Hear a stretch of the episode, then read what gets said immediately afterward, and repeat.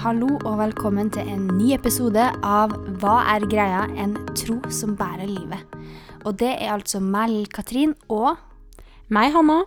som driver denne podkasten. Og i dag så skal vi ha om noe litt spennende, Hanna. Kan ikke du fortelle hva vi skal ha om? I dag så skal vi ha om Messias. Ja. For nå nærmer det seg jul. I dag er det Når vi spiller inn denne podkastepisoden, så er det 1. desember. Ja. Så eh, nå sitter vi på Hellemyr. Her er det julestjerner i alle vinduer. Så det er skikkelig, skikkelig koselig. Litt sånn julestemning. Og så har vi Foran oss har vi eh, appelsin, sjokolade, pepperkaker og Julebrus. Ja. Ja. Så det er veldig koselig. Og vi skal prøve å si noe fornuftig om Messias i dag. Hvem var Messias? Hvem er Messias? Og hva betyr det for oss i dag? Men du, Hanna, før vi begynner, så lurer jeg på hva gleder du deg til med jula? Først og fremst så gleder jeg meg til å bli ferdig med gresk eksamen og teologien-eksamen. Oi, oi, oi, ja, Ja. forstår jeg. Ja, og så gleder jeg meg til eh, det å komme hjem. Være Ja. hjemme. Altså liksom senke pulsen litt. Ja. Og så er jo jula så mye mer enn eh, gaver og pakker og Gaver og pakker er for så vidt det samme. eh, det er så mye mer enn pakker og god mat og julefilmer og juleserier. For meg så er jula starten på i hvert fall ja, på frelsen, da. Mm. Fordi at eh, det fødes et lite barn Mm. som eh, har en veldig stor betydning for eh, Ja, som har påvirka hele verden, og som har gjort at eh, den kristne tro har vokst fram. Mm. Hva er det du gleder deg til med jula? Åh, jeg gleder meg til å komme hjem til familien min, være sammen med dem, og ja, jeg vet ikke, bare få en pause egentlig fra min vanlige hverdag. Eller så ja, syns jeg det er en veldig sånn fin tid. Jeg liker adventstida veldig godt. Kanskje at jeg til og med liker den bedre enn selve julefeiringa. Men jeg liker den derre tida med venting og forventning. Det syns jeg er artig. Ja, og fint. Ja, for du har jo sett litt på advent, har du ikke det? Jo, jeg har sett litt på hva advent betyr. For jeg har tenkt på det her med, med Messias og det med venting og alt mulig sånn. Hva betyr egentlig det å vente? Og ja, jødene da, de venta jo veldig på Jesus, eller på Messias. da, de venter jo, Noen venter jo ennå, for så vidt, på at Messias skulle komme. Og um, derfor så har jeg bare sammenligna det litt med adventstida vår. da. Men advent betyr egentlig forventningens tid.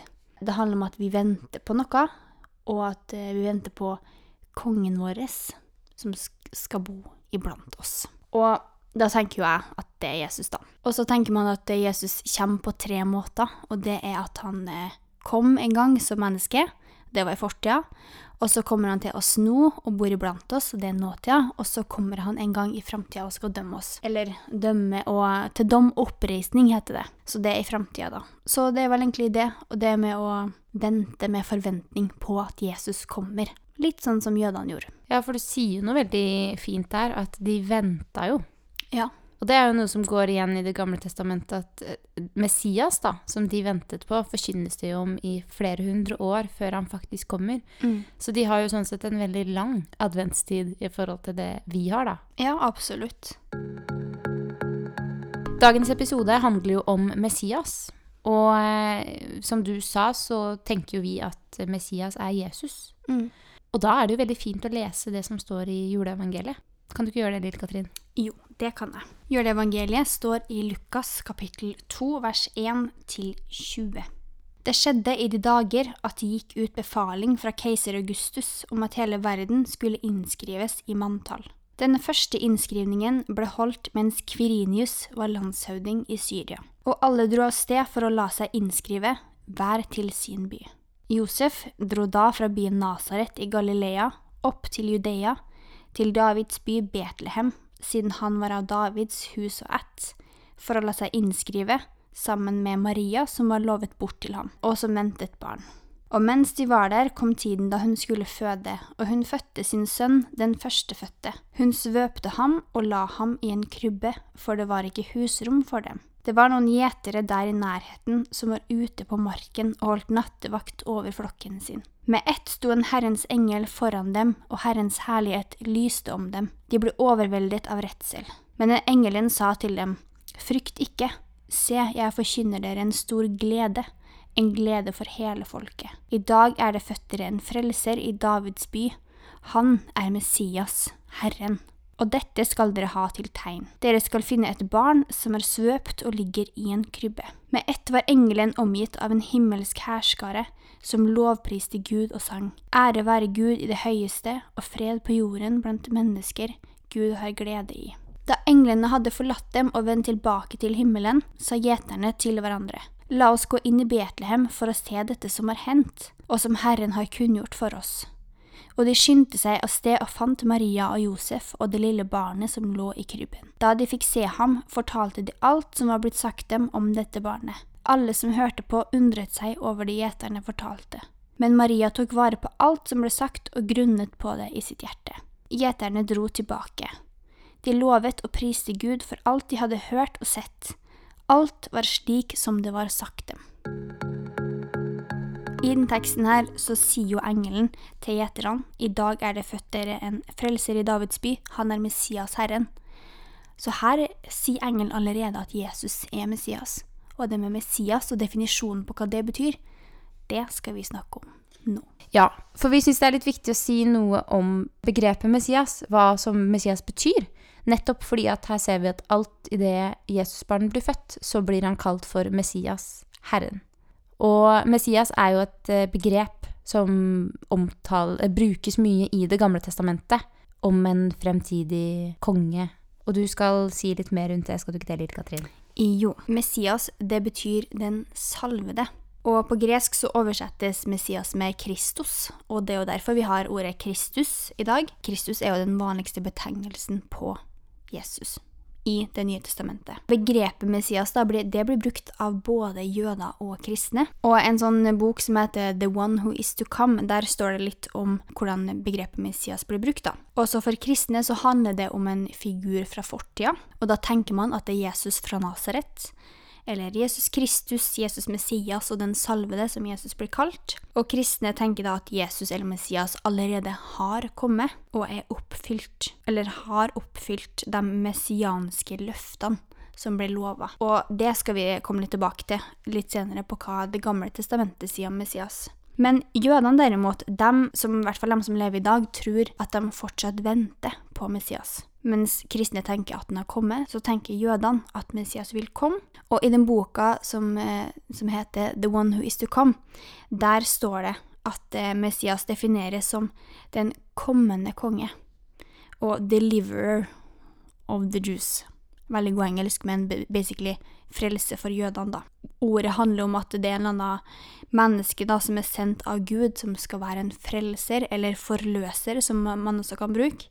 Et sånn godt kristent ord. Eh, og så forventer man at eh, det har noe med endetida å gjøre, da. Du sa jo helt på starten, når du nå snakka om Messias, mm.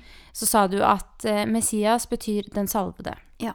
Og det er sånn at man kan eh, kalle Messias for Herrens salvede. Og det er rett og slett fordi i gammeltestamentlig tradisjon, når en konge skulle bli konge, mm. så var det sånn at uh, han ble salvet. Og når han da ble salvet, så ble han jo da innviet til den oppgaven som han skulle ha. Prester også ble salvet. Så begrepet Messias står jo i en tradisjon til konger som blir salvet, altså til det å bli salvet, da, til en eh, oppgave. Det å bli innviet, rett og slett, til en oppgave. Så Messias, det betyr rett og slett eh, den salvede. Og den herre salvede Messiasen da, som de venta sånn på, den hadde de jo venta på veldig lenge. Og det, det sa jeg jo litt om i sted, men den herre ventetida, den fascinerer meg litt. Og for meg så er det nok eh, litt det jeg bruker adventstida til, å vente. Og egentlig prøve å forestille meg hvor lenge de eh, jødene måtte ha venta på Messias. Men så har det jo seg sånn at i hele Bibelen så finner vi jo hele tida frampek på Messias, at en dag så skal Messias, en slags redningsmann, håpe til jødene kom, da. Og det står det blant annet om i Jesaja 11, at det skal spire noe. Og det har du sett litt på, Hanna? Ja, for det er jo sånn at når, når man går førsteåret på teologi på Ansgar, så skriver man oppgave. Oh, yes. Så akkurat den teksten her har jeg faktisk skrevet en eksegetisk oppgave om Uh. Og jeg har tatt for meg bibelversene og så tatt et dypdykk inn i kommentarverkene rundt det. da. Og da står det i Jesaja 11,1 Nå må vi først si det, da, at Jesaja er jo en profet som profeterer om dette her. Om denne Messiasen eh, som skal komme ca. 700 år før han kommer. Mm. Så er det sånn at eh, han profeterer også at eh, Israel vil bli nedbrutt, og de vil bli bortført. Og så kommer på en måte denne profetien her som et tegn på at riket igjen skal reise seg, da, fordi det skal komme en mektig konge. Og da står det en kvist skal skyte fra Isais stubb, et skudd renne opp fra hans røtter. Og da er det sånn at Isai, det er jo kanskje et navn som ikke så mange kjenner til. Men Nei. Isai, det er jo far til kong David. Og kong David, han er jo en av Israels mektigste menn, og en av Israels viktigste konger. Vi husker jo kong David som en veldig stor konge, og husker han for alt det store han var. Han er liksom et bilde på ja, mye av Israels storhetstid. Men han er jo da sønnen til Isai, og det er jo faktisk sånn at han var jo sauegjeter, holdt jeg på å si. Han var jo ute og passet på sauene. Så ja, når jeg jobba med den oppgaven her i fjor, så gikk jeg litt inn i, inn i på en måte hvorfor bruker de Isai, og ikke David. Og da var det flere av kommentarverkene som pekte mot det at når man omtaler det som fra Isai sin rotstubb, så er det jo nettopp det at David blir sett på som stor, og- så stor og mektig, da, i våre bilder og i israelittenes bilder, eh, øyne, holdt jeg på å si. Mens når man da viser til Isai, så viser man på en måte til det litt dårligere opphavet til kong David, hvordan barndommen og liksom ungdomstiden og sånn var. At han var egentlig ikke så rik og mektig, han var ikke født for å bli en konge. Og det blir på en måte en parallell til dette lille barnet som ligger i en krybbe i Betlehem. At han blir ikke Han blir jo ikke født i et stort slott, men i en krybbe i Betlehem. Mm. Og så er det jo denne her, dette skuddet da, som skal eh, renne opp, eller spire, som det står i andre oversettelser. Mm. Det er jo på en måte Fra denne rotstubben er jo et tegn på at det skal komme en stor konge. Ikke sant? Det skal komme en frelser som skal på en måte som skal sette oss fri, da. Og det er jo på en måte også denne lille babyen, da. Hvor stor han har blitt i ettertid, etter at han døde, ikke sant. Mm. Så det, jeg husker det, fra jeg skrev det var en veldig sånn spennende tekst å jobbe med. Ja, for du har jo et stikkord her, og det er jo at eh, han Jesus, eller Messias, skal komme fra Davids ett. Mm. Og det er jo et litt viktig poeng i det du, det, det du sier nå, egentlig, da. Ja, for det er jo Isais rotstubb, og Isa er jo far til David, ikke sant? At Mm. Han skal komme det er, det er den etten. Altså fordi David ble sett på som så stor og mektig, ikke sant? Mm. Og det leste vi også, at Josef, som var Ja, hva skal vi kalle han, da? Altså mannen til Maria, i hvert fall, da. Han er jo fra Davids hus og ett, som det Ja. står. Så der har vi linken, da, til uh, Davids hus og ett. Men uh, vi har jo Jesaja 9 òg, Ja. som du faktisk jobba med i fjor. Ja, den skrev jeg en eksegese om, og den handler jo også om Det kalles jo for en messiansk profeti. Altså den forteller noe om Messias som skal komme, da. Og der står det som følger i Jesaja 9 i vers 6. For et barn er oss født, en sønn er oss gitt. Herreveldet er lagt på hans skulder. Han har fått navnet underfull rådgiver, veldig Gud, evig far og fredsfyrste. Altså Her nevner Jesaja mange ulike navn på et barn som er oss født. Og det er litt kult, fordi at eh, her så skriver han det i et såkalt eschatologisk perspektiv, og det betyr at det, det er liksom fra nå av og for alltid. Så et barn er oss født, et barn skal bli født, og herreveldet er lagt på hans skuldre. Altså hele verden, eller hele jorda, da, hele himmelriket, alt er lagt på Jesus sine skuldre, sånn som vi tenker at det, det betyr. Og så står det mange ulike navn da, på denne Messiasen. At det er underfull rådgiver, veldig Gud, evig far og fredsfyrste. Og så har jeg lest i en sånn eh, bok av en som heter Halvard Hagelia, som handler om Det gamle testamentet. Og der står det at eh, han har fått eh, en rekke symbolske navn som underfull rådgiver, og de her de oppfattes med som symbolske navn på samme måte som Immanuel, som er et annet navn, som vi skal komme tilbake til etterpå. Men eh, det skrives med store forbokstaver for å markere at det er symbolske navn på den personen som skal komme. da. Og så er det på en måte ulike karaktertrekk som Messiasen skal ha, da. Ja. Vi har jo spilt inn en episode om fred. Mm. Det var jo den andre episoden vi spilte inn. Og der snakker vi jo blant annet om det her med Tar vi for oss begrepet fredsfyrste. Mm. Så den er det bare å gå og høre på, hvis dere ikke har hørt den. Mm. Men eh, jeg sa jo et eller annet med Immanuel. Ja. At det også er linka med Messias. Kan ikke du fortelle litt mer om det? Jo, det skal jeg gjøre. For litt tidligere i Jesaja, i Jesaja 7,14, så står det følgende. Derfor skal Herren selv gi dere et tegn. Se, en jomfru skal bli med barn. Hun skal føde en sønn og gi han navnet Immanuel. Og da er det sånn at eh, det som er liksom tegnet her, er ikke at det er en jomfru som skal bli med barn, nødvendigvis. Men tegnet er at han skal hete Immanuel. Og Immanuel, det betyr egentlig Gud med oss. Og det er jo egentlig en veldig sånn sterk greie, fordi du ser jo gjennom hele Gamletestamentet at Gud går sammen med, og er sammen med folket sitt, og ønsker dem vel. Og så profeteres det jo om da en fredsfyrste, en underfull rådgiver, et litt, altså ikke sant, dette lille barnet som du snakket om, altså kvisten fra Isais rotstubb som skal vokse seg stor. Det profeteres om det mange, mange, mange år før det skjer. Og det som er litt stort med det, er at Gud går jo sammen med folket sitt hele veien. Mm. Men når Jesus blir født, som vi tror at er Messias, da, denne kongen som det blir lovet, så blir Gud med oss på en helt annen måte. Fordi Gud blir menneske, ikke sant? Mm. Og hvis vi går inn i um, Det nye testamentet, så vil vi også se at eh, annet Matteus siterer det som står her i Jesaja. For Matteus gjengir egentlig stort sett akkurat det som står i Jesaja 7,14. I Matteus 1,23 så står det Se, jomfruen skal bli med barn og føde en sønn, og de skal gi ham navnet Immanuel. Det betyr Gud med oss.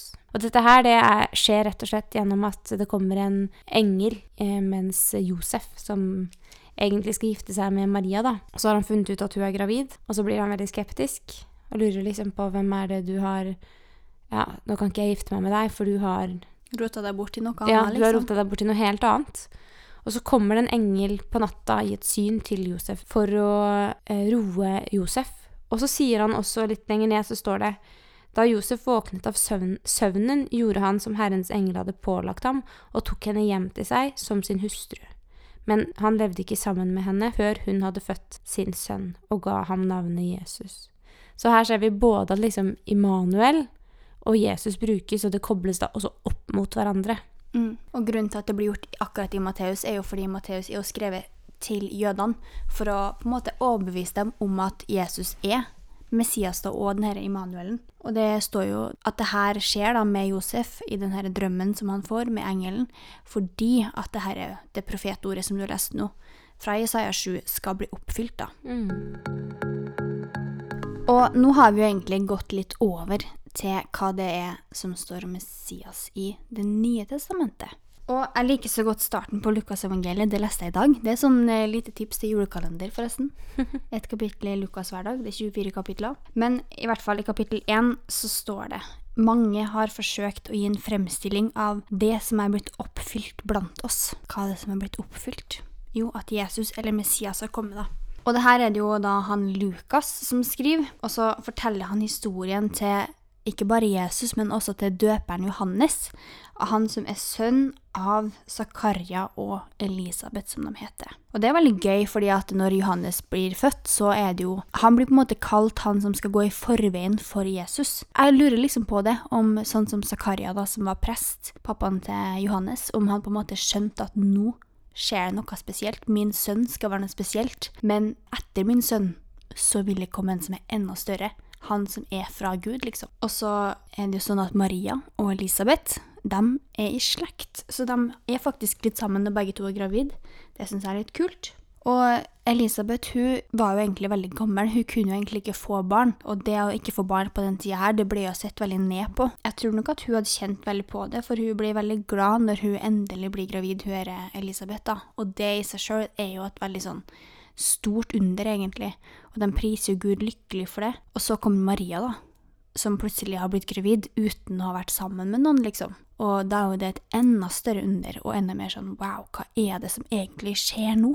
Og hadde vi levd på den tida der med Maria og Elisabeth, hadde vi skjønt hva det var som skjedde, eller hadde vi tenkt guri land, hva slags familie er det her for noe? Så er det jo sånn at eh, Johannes og Jesus får et veldig spesielt forhold, og det kan vi komme litt tilbake til, men det er på en måte flere personer som opplever noe rundt Jesus sin fødsel og liksom den tida her. For det er jo sånn at, eh, som vi snakka om, så har jo sant, Jesus har jo blitt profetert.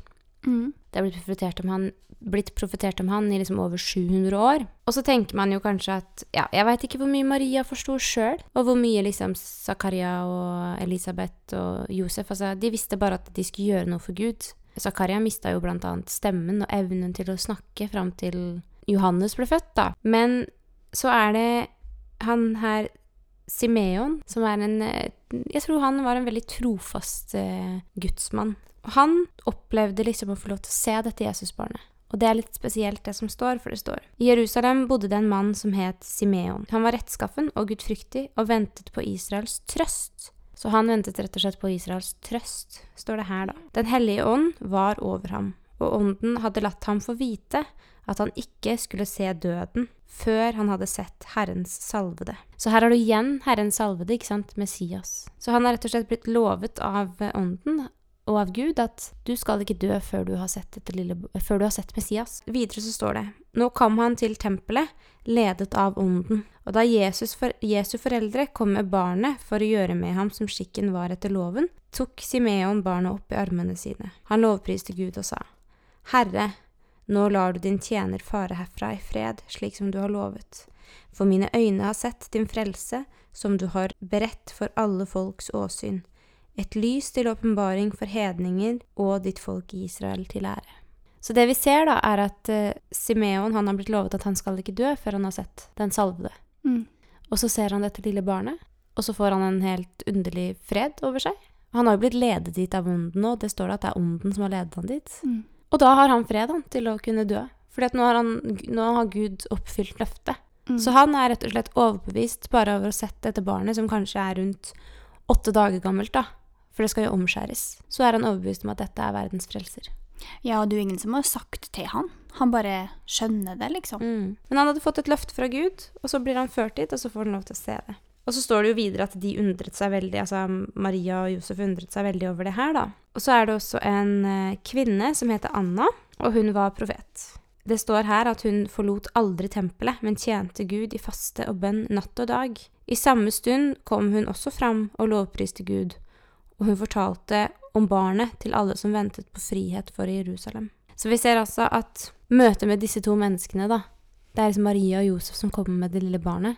Så møter de Anna og Simeon, og så er både Anna og Simeon overbevist om at dette er liksom Israels eh, og Jerusalems eh, utfrielse. Den Messias, den salvede, som det har blitt eh, lovet så lenge at skal komme, da. Og jeg tenker det må ha vært litt sånn deilig både for Josef og Maria å få den litt den bekreftelsen da, fra de her to personene at OK, ja, men det babyen her, den er det noe spesielt med. Jeg tror i hvert fall jeg hadde trengt å ha den bekreftelsen.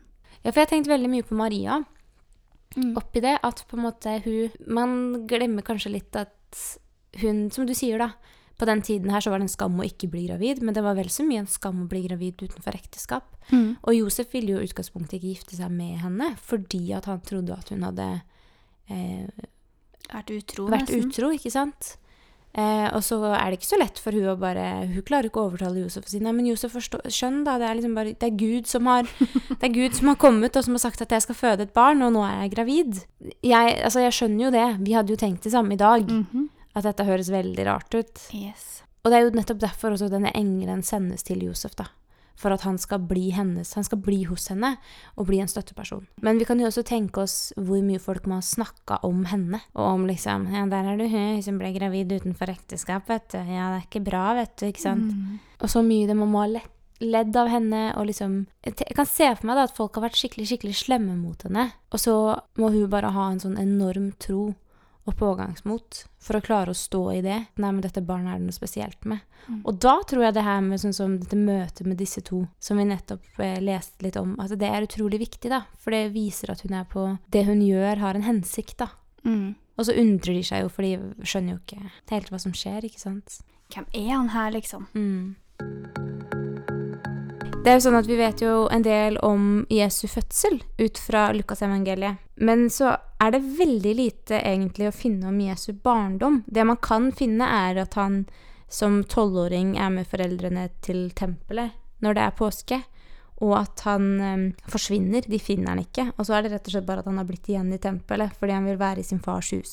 Eh, og dette undrer Josef og Maria seg veldig om, ikke sant? for de har jo fortsatt ikke, selv om de har hatt Jesus som sønn i tolv år, skjønt at han er Messias, da, den salvede, den de venter på. Eh, jødenes utfrier. Men du har litt mer å si om eh, Jesus og Johannes og den relasjonen dem imellom. Ja, for de har jo et veldig sånn spesielt forhold. Johannes sitt oppdrag fra Gud er jo å gå foran Jesus. Det ser man jo ganske tidlig. Det står det bl.a. i Malaki, kapittel 3, i vers 1. Der står det Se, jeg sender min budbærer, han skal rydde vei for meg. Altså, det skal komme en som går foran, og det er altså Johannes. Og så er det sånn at Johannes døper faktisk Jesus. Og så går det litt tid, og så havner Johannes i fengsel. Men da sender altså Johannes et spørsmål til Jesus. Og det her står i Lukas kapittel 7, vers 19.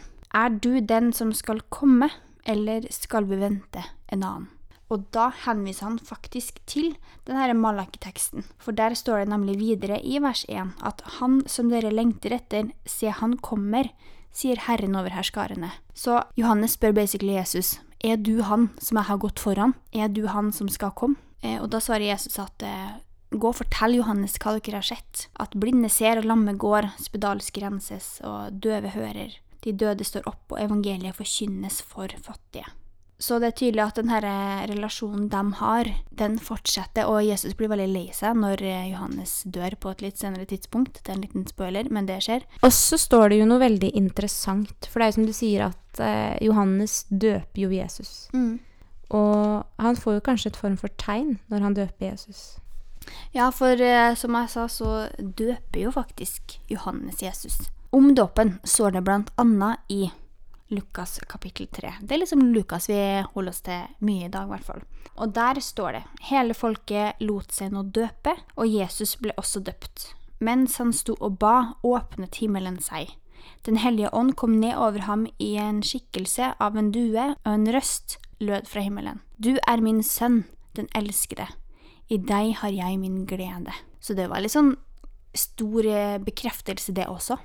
Og det er jo ikke før Jesus blir døpt at han faktisk går ut og begynner sin gjerning, som det står. Mm. For etter dåpen så går jo Jesus ut i ørkenen og blir frista av djevelen i 40 dager og 40 netter, og så begynner han sin gjerning, da. Men det her er en slags forberedelse, og Johannes, han har liksom gått foran, og nå har han fått vært en del av liksom den store forberedelsestida, da. Ja. For det er jo sånn at eh, Jesus, han Det er ikke så veldig mange år han virker på jorda. Nei. Det er bare sånn to-tre år. Mm. Men hvis vi, vi kan jo se litt hva Jesus selv sier om sitt eh, virke, for det kan jo også være interessant. I Lukas 4 Vi holder oss jo veldig til Lukas nå. Vi har liksom gått Ja. gjennom Lukas 1, 2, 3 og 4. Så hvis du ikke har lest veldig mye Bibel, så får du en veldig sånn gjennomgang nå, da. Yes. Nei da. Men i Lukas 4 så er Jesus i synagogen i Nasaret. Og det er jo Nasaret som han vokser opp, og som han bor. Og der står det han kom også til Nasaret, hvor han vokste opp. Og på sabbaten, altså sabbaten det er jo en hviledag, gikk han inn i synagogen slik han pleide. Da han reiste seg for å lese, rakte de ham profeten Jesajas bok. Så vi ser altså at de rakte ham profeten Jesajas bok. Han åpnet bokrullen og fant stedet der det står skrevet Herrens ånd er over meg, for han har salvet meg til å forkynne et godt budskap for fattige. Han har sendt meg ut for å rope at fanger skal få frihet, blinde skal få syn igjen, for å sette undertrykte fri og for å rope ut et nådens år fra Herren. Så rullet han bokrullen sammen, rakte den til synagogetjeneren og satte seg.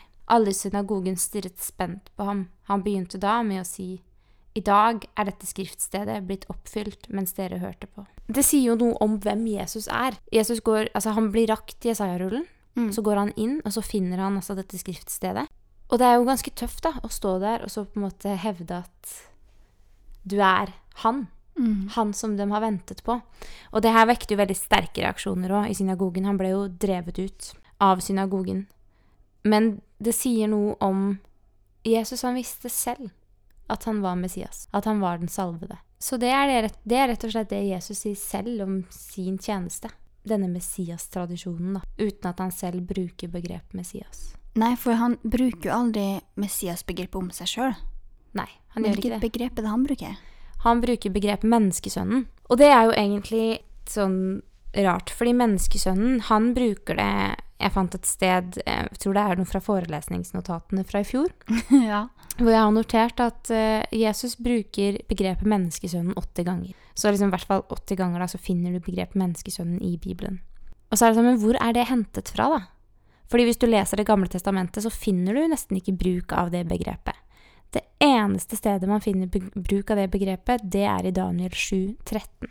Og der står det Videre så jeg mine nattesyner. Se, med himmelens skyer kom det en som var lik en menneskesønn. Så står det også videre, han nærmet seg den gamle av dager og ble ført fram for han.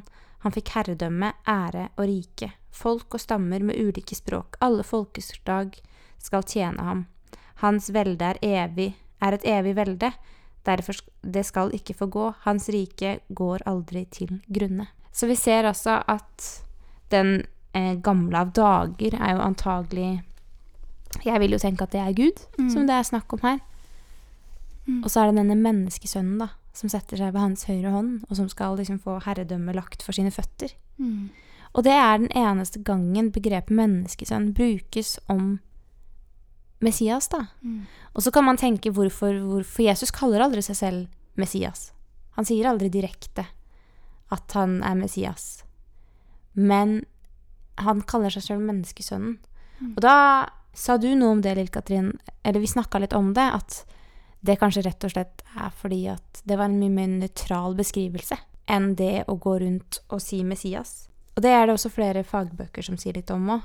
Ja. For det kan godt hende at hvis han hadde gått ut og liksom sagt 'jeg er Messias', veldig tydelig, at han kanskje ikke hadde fått gjort alt det han faktisk fikk gjort, da. Fordi at eh, vi merka jo hvor stor motstand han fikk i synagogen når han gikk opp og sa at i dag er disse ordene blitt oppfylt. Ja, han fikk jo ganske mye motstand ellers òg, for så vidt, så han skapte jo litt eh, oppstyr. Uansett om eh, han kalte seg Messias eller ikke. Det gjorde han. Det nærmeste vi kommer en slags bekreftelse fra Jesus på at han er Messias, eller bruker ordet Messias, det er jo når, eh, når han har en samtale med Peter, da. Der Jesus spør Peter hvem sier folk at jeg er. Nå skal vi hoppe ut av Lukas, i hvert fall, og så skal vi gå inn i Matteus kapittel 16.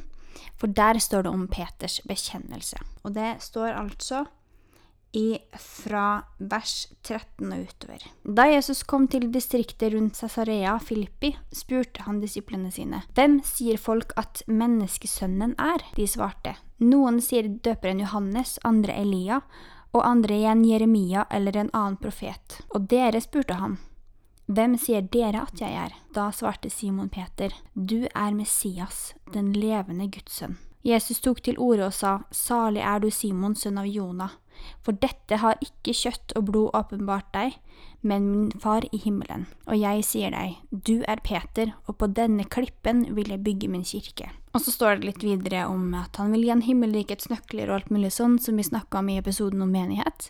Men i vers 20 så står det, så påla han disiplene ikke å si til noen at han var Messias. Så det her er vel på en måte egentlig det nærmeste vi kommer en slags bekreftelse fra Jesus med bruken Messias, da, eller ordet Messias, da han sier det her har ikke eh, kjøtt og blod åpenbart til deg, Peter, men det her er min far i himmelen. Og så er det jo noe med det at man kan jo bli litt frustrert på disse disiplene til Jesus, som ikke helt ehm, Ja, fordi at når Jesus liksom skal lide og dø og gjenoppstå, så skjønner man det ikke helt.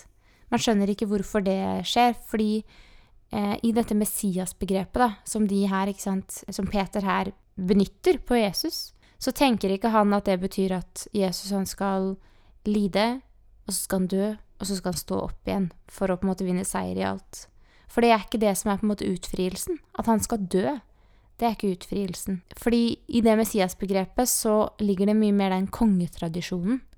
At de ventet mye mer på denne kongen som skulle komme. Og han var en konge som skulle egentlig gjenopprette Israel. ikke sant? Det er det som vi ser f.eks. i denne Jesaja-profetien. Og hvordan kan han gjenopprette Israel dersom han skal lide og dø, ikke sant? Men så gjenoppretter han det jo nettopp gjennom korsdøden. Fordi gjennom korset så kan den som tror på Jesus, bli frelst, ikke sant?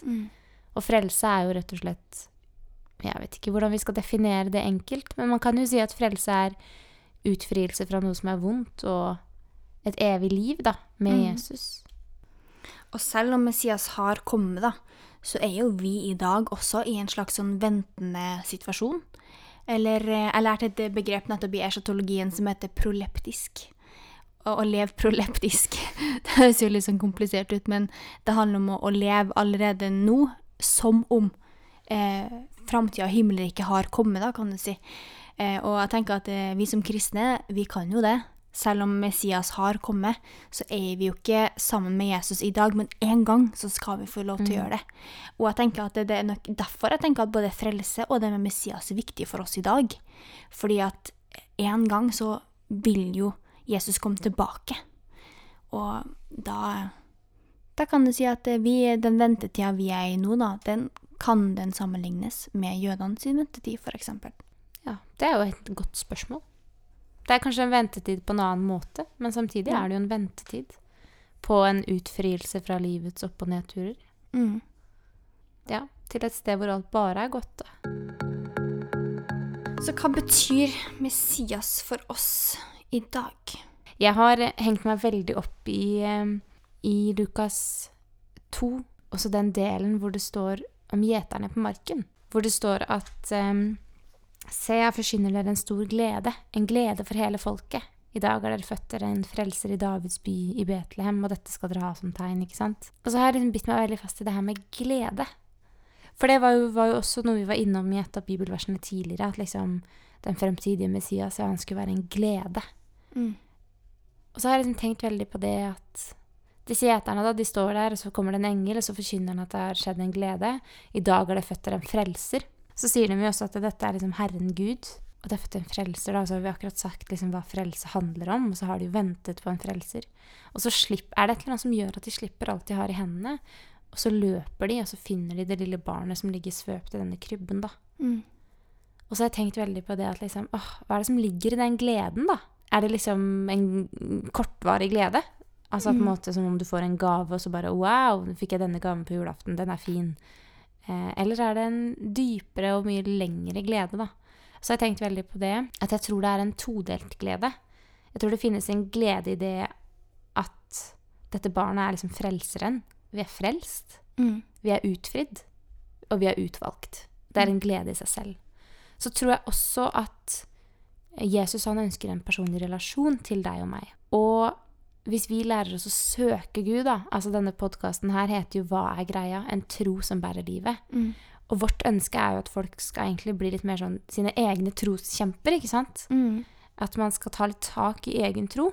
Og jeg tror at hvis man tar litt tak i egen tro, og hvis man på en måte ser på disse lysglimtene da, i livet, i en vanskelig tilværelse Det kan jo være personer som på en måte betyr noe, som ser deg, og som bryr, deg når du, bryr seg når du har det vanskelig. Og se på det som noe som kommer fra Gud, da. Så tror jeg det kan få en sånn enorm eh, Eller sånt enormt virke da, inn i livet. Eh, At man kan oppleve og erfare en sånn enormt rik glede. En glede i det at Jesus han ønsker å gå sammen med meg gjennom mine vanskeligheter. Og vi var jo innom det tidligere òg, i eh, Johannes 16, 33, hvis jeg husker riktig. ikke sant? At det står at eh, dere skal ha fred i meg. Altså min fred skal ligge i Jesus. Og jeg tror også det er litt sånn med gleden at min glede skal ligge i Jesus. Mm. Og så tror jeg de går litt parallelt, da.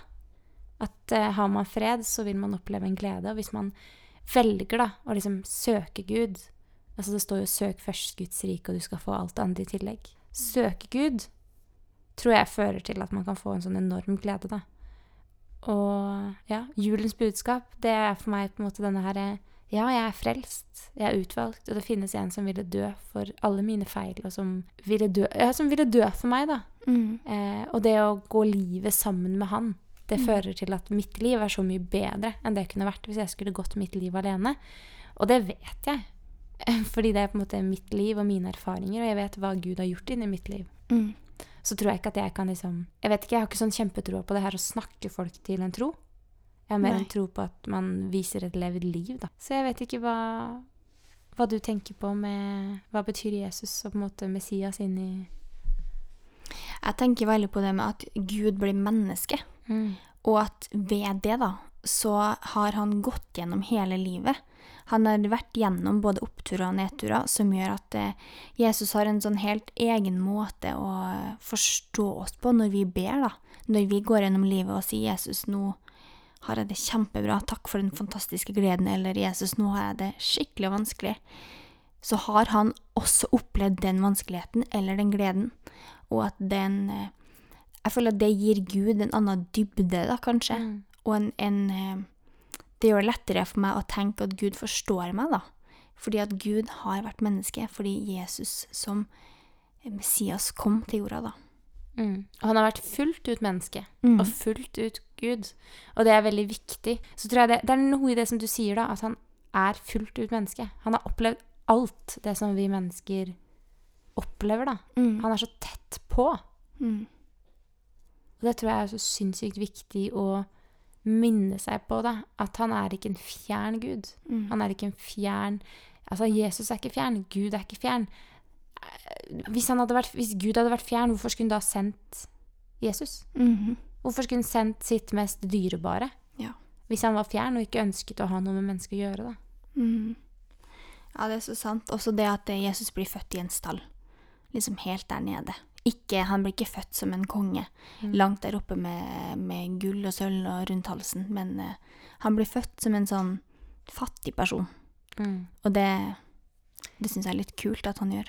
Og jeg tror det gir han litt autoritet òg. Ja, absolutt. For jeg tror at hvis Jesus hadde blitt født som en konge, da, som de sikkert forventa, ikke sant, at Mm. han skulle være en konge som eh, omga seg med rikdom, sånn som disse store kongene en gang hadde gjort, ikke sant, Mm.